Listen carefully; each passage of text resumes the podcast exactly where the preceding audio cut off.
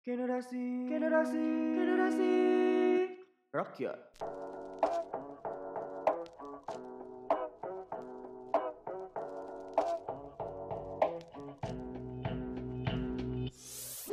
Mar, gue mau usaha nih tapi bikin apa ya?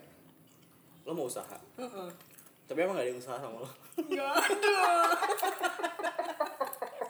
tapi uang gue udah banyak sih. Sombong banget. Sultan ya kan? Sultan. Emang kalau Sultan Jorgi tuh kayak gitu Sembilan bahan pokok.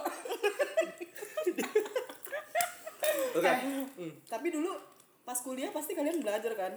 Entrepreneurship. Iya Belajar dong. dong. Pasti ada dong Terus lu dulu pernah bikin-bikin usaha gitu nggak? Apa sekarang lu sedang menjalankan sesuatu? Kan gue pernah, kalau gue sih pernah mention kan Gue pernah, gue lagi menjalani sesuatu Since last year, mau setahun, mau setahun ntar Eh tunggu dulu kok yang ngobrol cuma kita berdua sih? Oh iya, kita punya guest, special guest, alias senior kita, San Benim, Master of Master, ya kan? Kalau misalnya orang udah S2 Master, Master of Degree, dia udah buka di atasnya lagi. Master apa nih? Master of Ceremony ya? Oke. Eh kita tahu. Tahu lah. Enggak, soalnya dia kan agak perutnya agak berisi kan. Jadi napasnya agak Sorry guys, habis makan dua piring. Ini mulut pada ngunyah semua. Oke, kita balik lagi serius. Eh, Jangan serius-serius lah. Serius udah bubar. Ini Biarin aja guys, sekarang akan dipandu sama Mario. Lu pokoknya dengerin suaranya Mario aja. jangan dong. ya, ini mbaknya udah kenal lah. Kenalan, kenalin diri. Tunggu dulu. Dia ini salah satu influencer dari Padang guys. Oh, shit. Followersnya 12 ribu. kayak gitu, kayak gitu. Bukan, bukan, bukan. Ya kan, terus bisnisnya ada sekian banyak. Enggak lah, Siapa? cuma lima. Sombong ya mbaknya ya. Kalau kalau kaya boleh sombong. Oh iya ya, bebas ya kalau orang kaya. Halo, gue Yova. Nama panjang dong. Yova. Gak lah, biar gak aku manggil aja Apoy. Oh, Apoy, Apoy Wali. Ini sangat gak kaku ya. Ingat, ingat hidup sudah. Itu Kylie. Hmm, fansnya Wale. Fansnya Wale. Walai, walai. Wale. Oke, jadi Yova ini tidak lain tidak bukan adalah teman kita juga guys. Dari SMA, teman gue dan Ted. Jadi si Yova ini sudah berteman dengan kita sek- sekitar sama lah ya. Hampir 10 tahun, hampir 10 tahun. Hampir-hampir. Dan dia bukan temen tiur. Jadi bukan hampir sorry nih ya. Sorry Tir. Kenapa sih? Sorry. Udah, Sama ada temenan dong. Ya, gimana nih? Tadi kita lagi ngebahas, pengen ngebahas soal bisnis, usaha gitu kan. Nah, lo salah satu teman kita yang udah mulai cukup lama lah. Bahkan dari kita lu dari kita SMA bahkan lo udah mulai-mulai. Iya. Gue inget banget lo dulu jual guard skin, Oh iya. lo jual inget jersey. Oh my god, dia Gila, gue inget tuh waktu itu. Terus abis Iya, itu emang bibit-bibit pengusahanya dari udah emang. SMA ya. Dan dulu maksudnya yang beli tuh banyak di SMA di zaman kita sekolah. Eh, maksudnya nggak cuma yang kayak teman-teman kayak kita kita doang gitu loh. Maksudnya emang kayak senior pun juga ada yang beli kan. Maksudnya kayak apalagi jersey dulu zaman kita SMA. Gimana tuh? Lo kapan lo mulai? Kapan lo kayak ngerasa kayak lo di titik ah kayaknya lo udah mulai stay apa stabil nih kayak gitu. Sebenarnya sih kalau ditanya kapan mulai, gue nggak pernah merencanakan ya mulai mau jadi entrepreneur entrepreneur ini jadi awalnya itu kayak eh ya sebenarnya gara-gara ini sih gara-gara gue ngerasa gue sering banget membeli suatu barang. Contoh gaskin gue suka banget tuh beli beli beli garskin terus gue ngerasa wasting money aja gitu kok gue ngebeli ini terus terusan tapi ya duit kan kalau masih SMA pakai duit jajan ya? Ya duit jajan gue potong kadang abis lah buat hal-hal yang menurut gue nggak terlalu penting. Terus gue nggak terlalu suka bola sih cuman sering aja gitu kan. Kalau eh ini nih karena gue anak basket atau anak futsal kayak eh nih beli beli baju lagi beli baju lagi. Jadi kayak em, agak keluar ya eh apa keluar uang terus-terusan gitu kan. Nah akhirnya ya udah kepikiran aja gimana kalau misalnya gue coba jual waktu itu berawal sih dari situ. Nah pas kuliah gue ngelanjutin lagi. Cuman kayak ya cuman jual-jual gitu doang kan karena gue kuliahnya bukan di Jakarta cuma di Padang. Nah pas di Padang tahun 2014 atau 15 ya gue baru pakai jilbab Hmm. gue ngerasa Hijrah tuh. iya eh, nggak hijrah banget sih sebenarnya dapet ilham aja gitu Siapa? Di mana Ilham sih? terus gue ngerasa ya gitu kan maksudnya oh ternyata kalau orang pakai jilbab tuh kosnya agak lebih ya waktu itu gue Berapa bener-bener rangkap tuh? banyak rangkap-rangkap Model pakai ciput. dulu belum mengenal ciput nah itu terus gue akhirnya kayak emang waktu itu baru pertama kali pakai jilbab terus bawahnya pengen beli itu sampai emang ngeluarin duitnya tuh kayak sampai berapa juta gitu cuma buat jilbab terus gue mikir dong kayak well kayaknya kalau gue akan terus-terusan kayak gini nggak ya akan Mario menjadi ngapain ya Ada tikus ya? kok tiba-tiba Tikus gak cuma makan sabun ya, makan tenggo. Sambil nari dong. aduh gila aduh mana udah cabut belum tikus ya Kus. Kus, ngapain kus? kus kus Lagi buka makanan guys. Lanjut. Lanjut. oh iya ya udah habis itu gue tiba-tiba terinspirasi aja gue waktu itu pertama kali jualan jilbab nah ya udah deh terus muncul nama yang brand gue sampai sampai sekarang ya dari 2014 sampai 2019 ini masih ada itu karena gue di kampus atau di rumah tuh suka ngomong eo Oh jadi awal mulanya itu. iya nggak kayak nggak nggak tahu kan terus kayak usaha tuh pakai nama apa gitu. Ah kalau yang pakai nama-nama yang terlalu lovely hijab gitu kayaknya bukan gue banget. Kayak apa gitu. Ya udah udah inspirasi deh. Itu sih awal mulanya banget sampai sekarang. Tapi sekarang ya udah berkembang lah Tapi Tapi awalnya lu reseller gitu apa gimana? tunggu sebelum itu disclaimer dulu. Sebenarnya bacanya L bukan E W W ya. Soalnya orang-orang kalau E W W. Gue bacanya iu. Iya, seorang gue ngebebasin sih orang-orang tuh ngomong eo, iu, eo, ewew, wewew, e, ewew, e, ah, kelebihan tuh suka ada kelebihan. Iya. Jangan dibaca aja. E Eh, W. Itu terus Dibebaskan. Ah, gimana tadi reseller apa gimana? Gue waktu itu sempat ngambil sama saudara gue sih Eh, mungkin Jadi hijab saudara lu diambil semua. Emang pernah maling. ya. Ini maling. antara pelit apa maling nih iya jadi gue kayak dia udah jualan duluan kan karena di Padang terus ah ya udahlah coba aja awalnya dari seller Hmm, hmm. Hmm, ngambil dari dia juga apa sih namanya kayak bisa ngejahit kayak gitu-gitu kan ngambil dulu aja dari dia karena gue nggak ngerti kan ini kalau orang sistem bener-bener bikin usaha dari awal tuh kayak gimana cu Nah, suatu kan itu dari hijab. Sampai sekarang kan maksudnya kayak ya gue juga salah satu yang tahu ya maksudnya apa aja yang lo jual gitu kan kayak lo ya gue tau lo jual apa awal sempet jual apa namanya bomber jacket itu sebelum Iya, hype iya. sebelum hype banget Tapi kosmetik itu pernah kan ya? pernah, pernah. Iya, gue ingetnya Iya, awalnya kosmetik. kosmetik. Gila lu banyak banget yang itu belum susah ya ada be- bomber kan terus ada kosmetik juga pernah tapi yang masih sekarang yang lagi stable banget ada hoodie sweater Akhirnya, segala macam streetwear. Terus yang paling baru lagi apa? Skincare. Iya itu beda lagi. Beda lagi. Terus ada kayak baju-baju cewek terus juga ya itu semua brandnya beda-beda kan. Dan yang paling terakhir apa sih? Anting ya? Anting. Wah anting itu anting lucu banget sih indo banget. Eh ya gimana ya? Kayak ber, kayak gue ngerasa dari dulu tuh seneng melakukan apa ya kayak gue ketemu customer. Kan kalau dulu awal-awal emang belum ada yang bantuin sendiri ya. Nganterin apa apa sendiri ini sendiri. Terus kadang gue muncul ide kayak kayak contoh nih kosmetik. Itu gue pribadi bukan waktu itu bukan cewek yang suka make up. Cuman sekedar bisa dan tahu aja. Terus teman gue tuh selalu request sesuatu kayak eh lo jual ini enggak lo jual ini enggak terus gue sempat nanya-nanya dong sama teman gue yang udah jual makeup duluan kan. Terus dia bisa ngambil ke distributornya kayak gitu-gitu.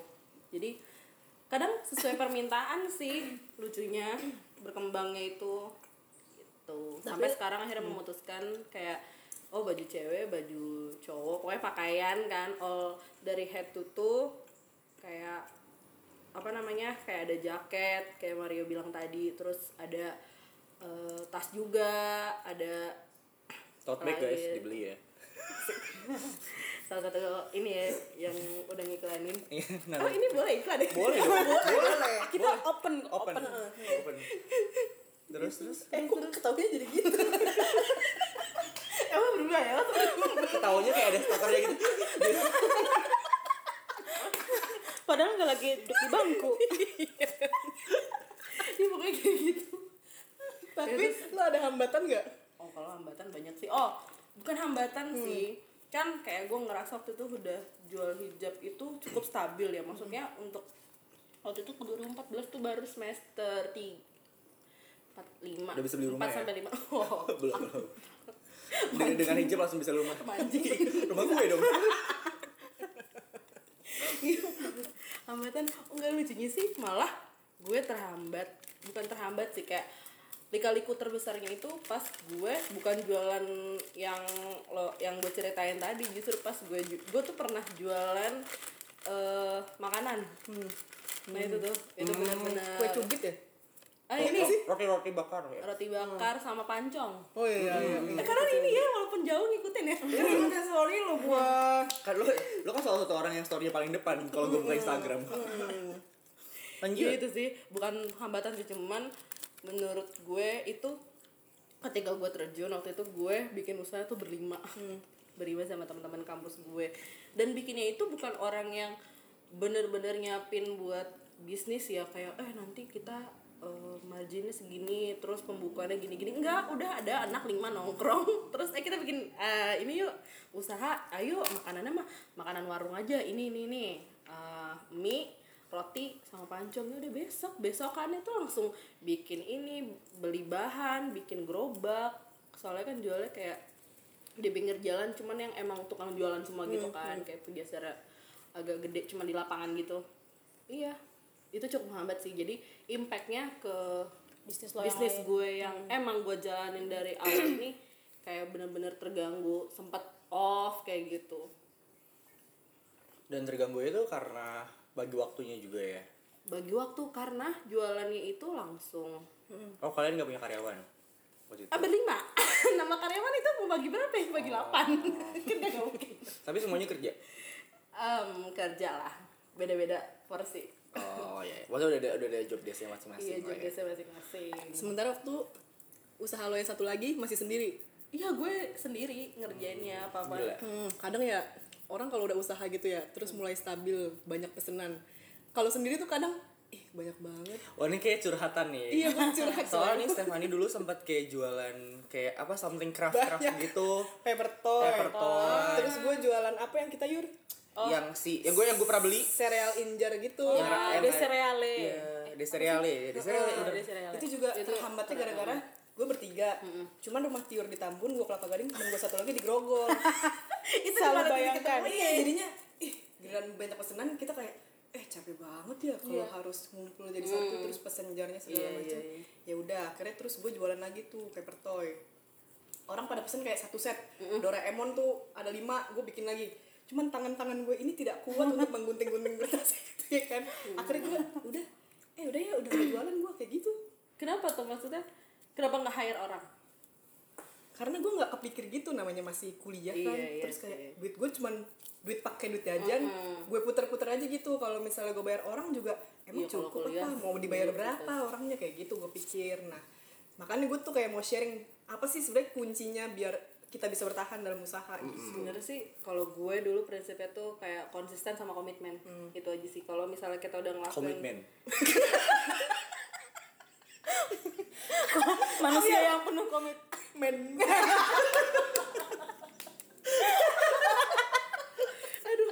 apa ya lupa kan gue Eh, konsisten komitmen. Itu kuncinya. komen Komen. komen konsisten dan Karena komitmen komen itu penting. Komen dari haters tuh membangun loh. membangun betul betul betul pokoknya dua itu sih yang gue uh, pegang dari dulu kayak kalau kita ngerjain sesuatu tuh konsisten aja itu itu terus walaupun mungkin hasilnya naik turun kan nggak selalu lah stabil nggak selalu juga oh lagi jualan nih misalnya rame gitu ya yang penting konsisten aja tetap tetap gitu hati ini ya udahlah nggak apa-apa hari ini nggak ada yang beli Ya udah yang penting tetap apa namanya teguh pendirian gitu nanya lo yuk diem banget. Oh, sorry lo. Eh, bentar, bentar, bentar. eh, Lo, kan- lo di sini anak magang apa gimana? Masih magang kan baru dua kali. Enggak ada yang Lanjut. lanjut. Ayo nanya dong. Eh, enggak, gue tadi kepikiran. Penghasilan. Enggak, gue kepikiran. Boleh share soal pengalaman kan? Boleh. boleh boleh Pengalaman lu Nah, siapa kan nih? Tangga. pengalaman gue. Dasar lo. Terus? Nah, terus jadi eh, pas lo bilang kita tuh harus penuh penuh komitmen sama konsisten sama konsisten. Nah, dulu gue juga pernah sempet punya usaha. Jadi party planner.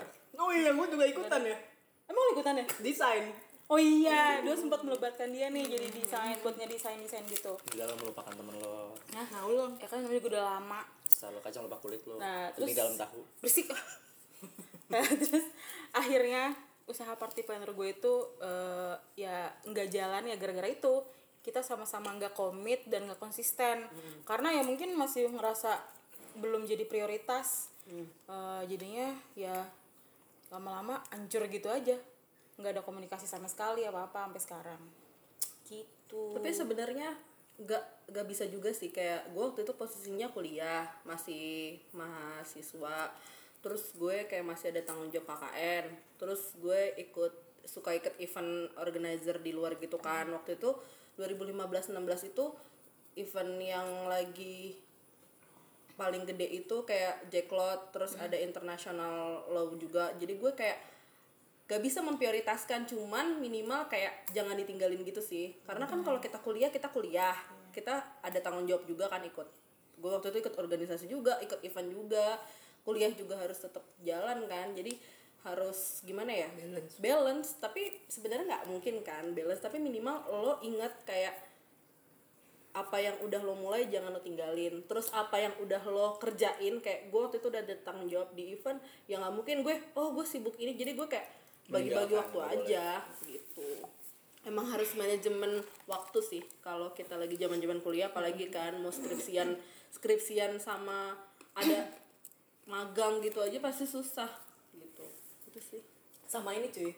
Kadang orang kalau mau usaha kan mikir ya apa nih yang bisa kita jadiin nih peluangnya? Gimana kita udah mikir terus ih tapi nanti laku nggak ya kayak Nah, gitu itu tuh. ragu-ragu Nah, nah gue juga mau balik gitu kalau soal kayak gitu. Itu kayak gue juga sekarang lagi menjalani kan, puji Tuhan. Cuman kayak gue cuman kayak pengen share sih kayak mindset mindset kita tuh yang satu nanti laku apa enggak. Maksud gue kalau lo nggak coba, lo kapan tahu rasa itu laku apa enggak. Maksudnya pasti selalu ada kayak apa eh, trial errornya itu pasti ada kan. Terus kalau misalnya kayak komitmen tuh yang dan juga lo jangan misal kalau misalnya lo punya partnership eh, ada partnernya jangan sampai kayak ngerasa nggak enakan gitu loh apalagi kalau lo misalnya udah tekan kontrak.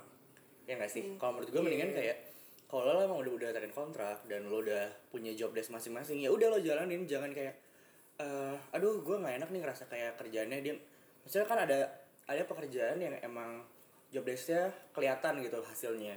Misal si konten kreatornya lah atau misalnya kayak si emang tim produksinya kelihatan gitu hasil kerjanya.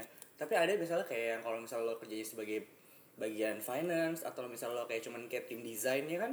Maksudnya kerjanya nggak terlalu visualnya nggak terlalu kelihatan gitu. Iya. maksud gue jangan ngerasa rendah diri karena kurang dia apa karena karena dia ngerasa karena nggak ke expose jadi kayak rasanya dia nggak kerja.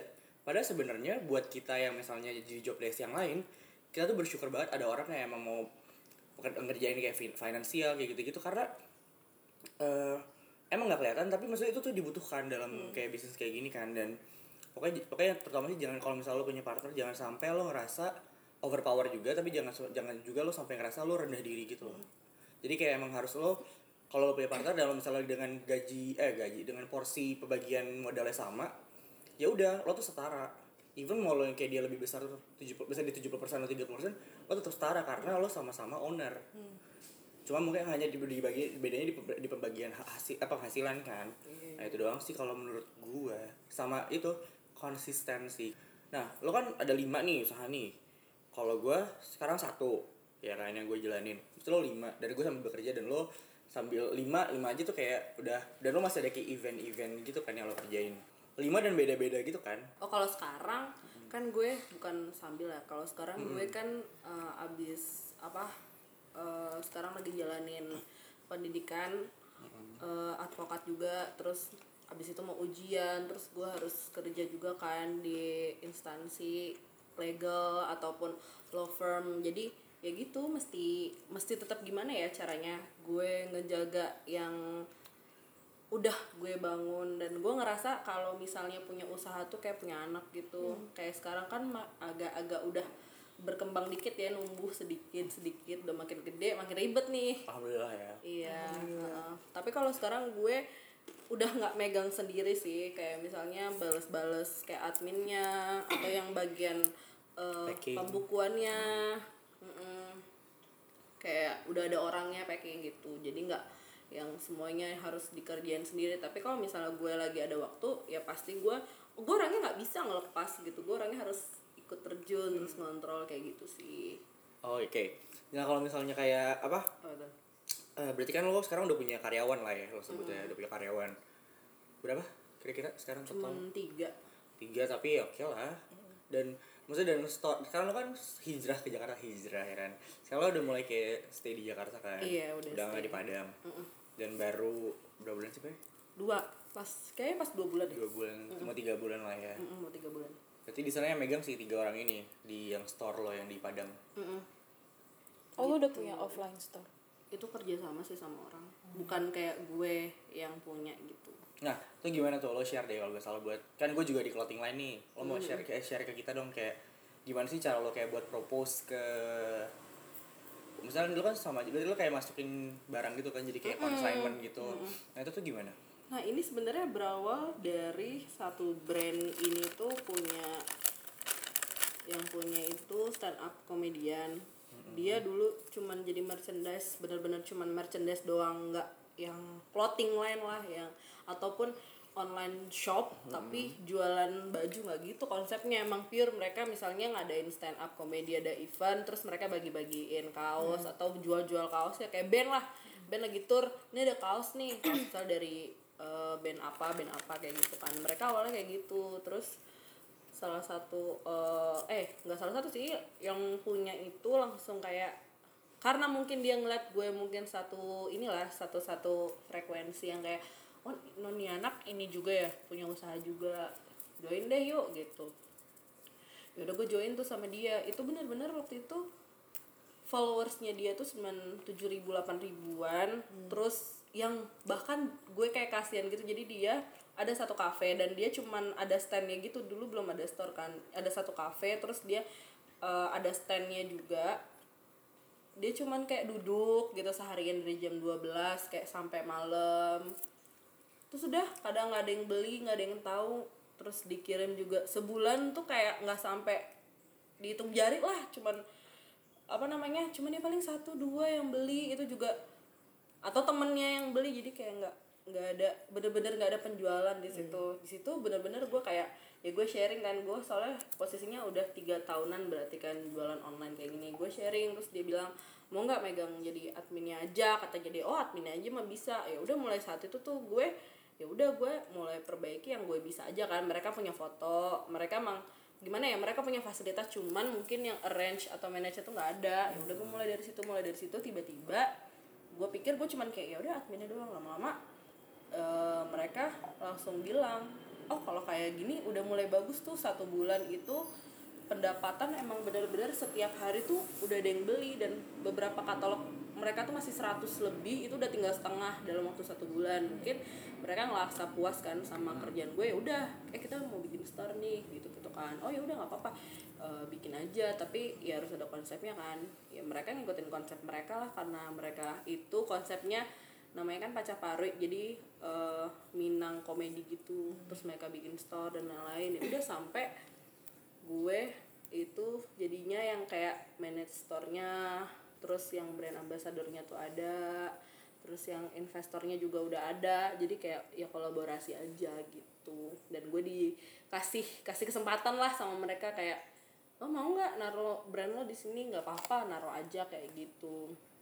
Dan beberapa brand juga di luar gue juga ada di situ ya dari mereka propose ke teman gue ini kayak eh gue boleh nggak naro gitu misalnya kan nanya. Dari orang-orang terdekat aja sih kadang dia nawarin diri gue punya ini gue punya ini. Nanti mereka kayak ngasih kok kita dari dulu gue kayak karena gue kebetulan orang hukum jadi udah ada kontraknya kan apa apa pakai kontrak gitu. Nih ada kontraknya nanti persenannya berapa sebulan atau dari penghasilan per tahun gitu jadi baru dibagi gitu sih. Kalau mau masuk masukin kayak gitu ya itu sih kita mesti kayak lihat dulu nih orangnya. Dan, dan punya channel juga sih channel. Sebenarnya. sekarang kayak gitu sih ya. Kita harus pintar Apa-apa- bergaul sih. apa apa emang harus channel. Gitu sih. Gue dapet chance apa dapet kesempatan aja sebenarnya kayak gitu. Tapi menurut lo sendiri kan lo bisa dikategorikan sebagai yang entrepreneur nah menurut lo kayak hal positif apa yang lo dapet bahkan bisa ngerubah kepribadian lo setelah lo jadi pengusaha muda nih Dia bisa berubah jadi Power Ranger. Power Ranger Abis dari tadi kayak serius banget kan. ada yang dengerin gak ya Mar ya? Enggak tahu sih. Gue sih tidur kayaknya kalau terlalu serius canda. Enggak deh. Tapi eh ini penting tau guys. Penting tau. Kalau kadang ya. Iyalah. Iya kalau lo mau kaya, Nih ya, ada satu peribahasa belajar dari kesalahan, tapi kita juga bisa belajar dari kesalahan orang lain coy. Iya. Jangan sampai kita salah karena dengerin cerita-cerita kita. Nih Yovan sekarang jadi jadi Sultan Jorgi tuh. Sultan Jorgi. Bisa lebih dari 9 bahan pokok dia udah bisa. Oh iya. Gimana tadi? Pos apa tadi apa tadi berencana? hal positif atau bahkan ada hal buruk Oh iya, yang positif dan negatif mempengaruhi Kak. iya positif Hmm, kalau positifnya Garis dua ya. Jangan dong. warnanya dong gue. Dua garis biru. Ya, jangan profil lah. Padahal kalau di tespek warnanya merah loh.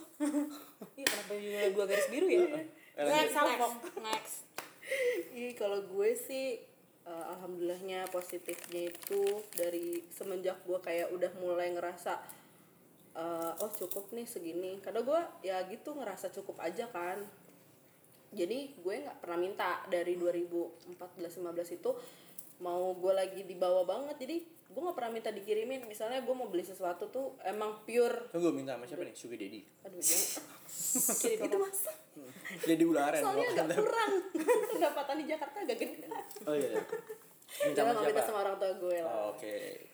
udah nggak pernah kayak mau ini mau itu pas lagi kuliah maksudnya gue bisa dengan ya cukup bangga sedikit lah gitu. Gue ya teman-teman gue juga seumur gue waktu itu ada yang kerja udah bisa ngasilin duit sendiri. Ya sama sih sebenarnya rasanya apalagi eh, gue masih ngejalanin kuliah jadi gue nggak perlu kayak dikit-dikit tuh mau beli hal-hal kebutuhan hari-harian.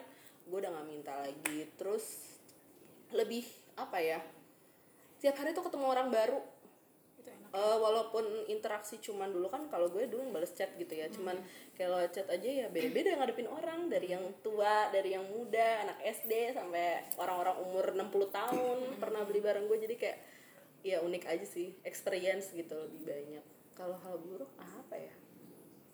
Oh waktu sih. Pernah waktu kayak ya. pernah ketipu, oh atau lo kayak pernah dibohongin orang ada yang kabur oh misalnya pernah. karyawan teman gue sendiri. Eh oh, enggak. Misalnya kalau- kayak gitu, oh gitu. kalau kalau kalau hal buruknya yang pernah gue alamin pengalaman aja ya. Gue pernah ditipu sama teman gue sendiri.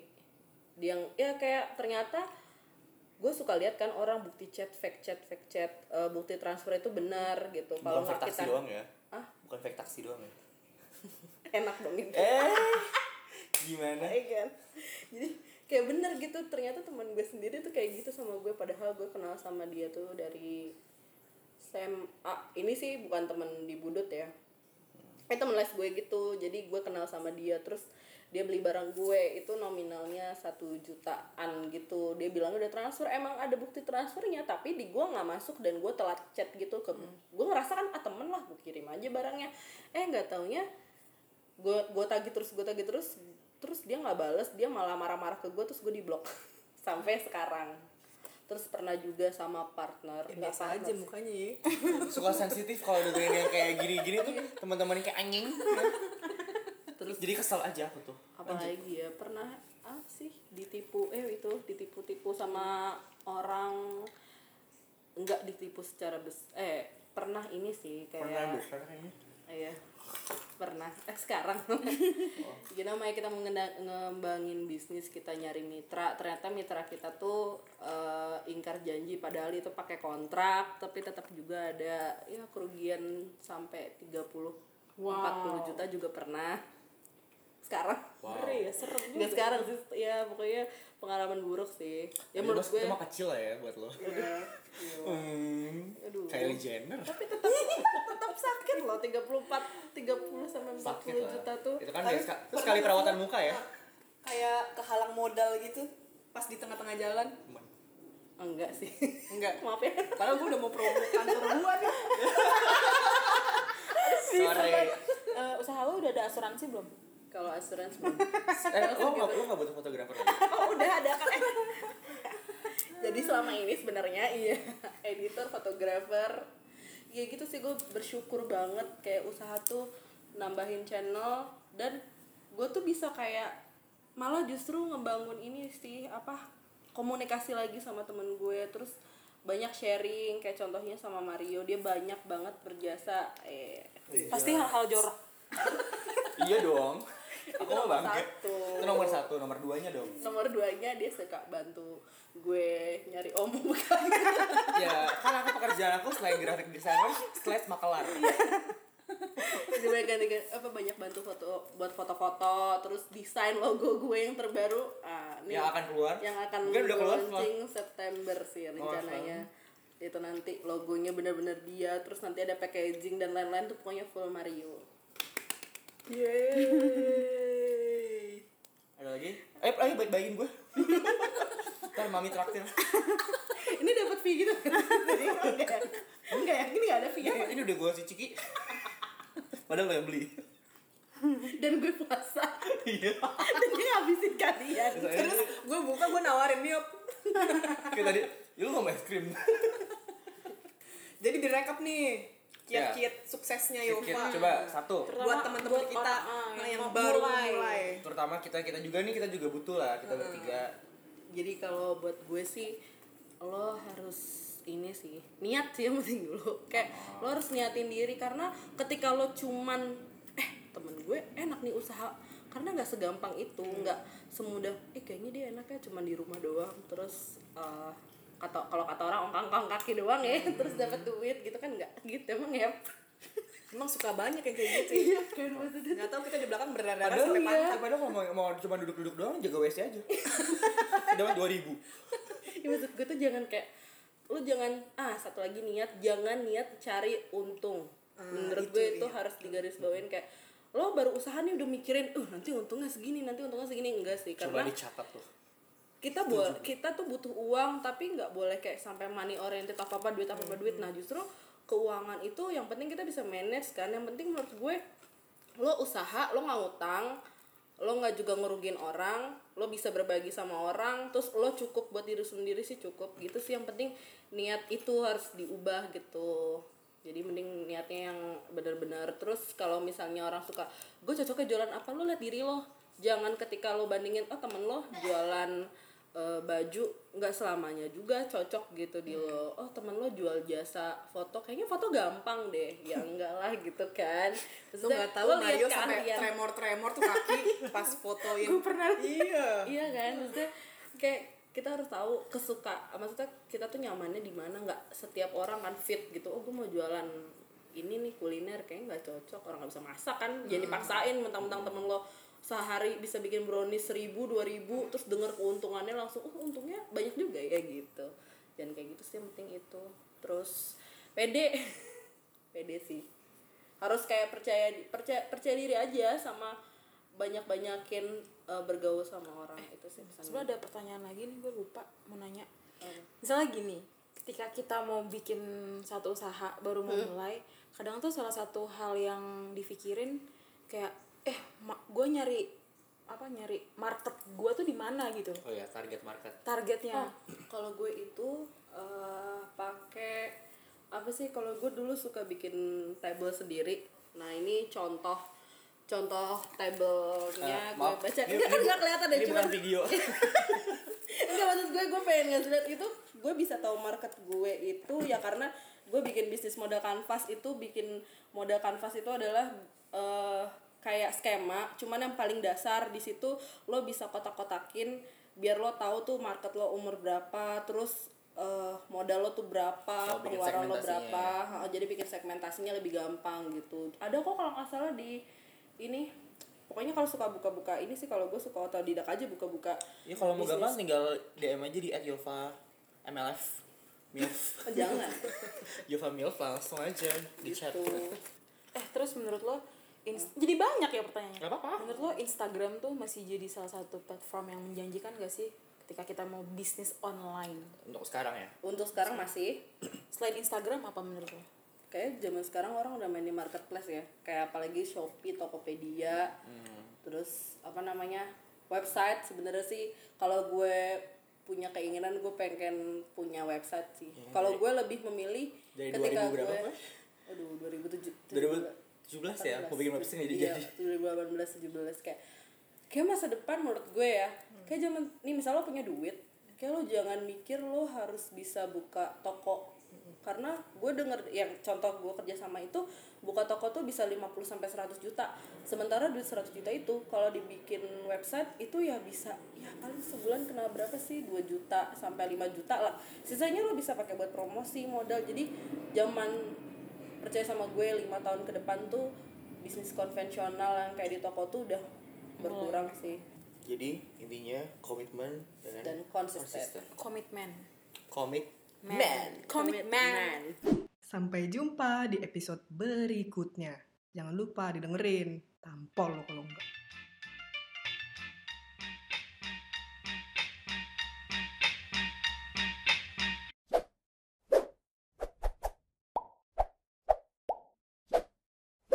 Kali masih aja didengerin.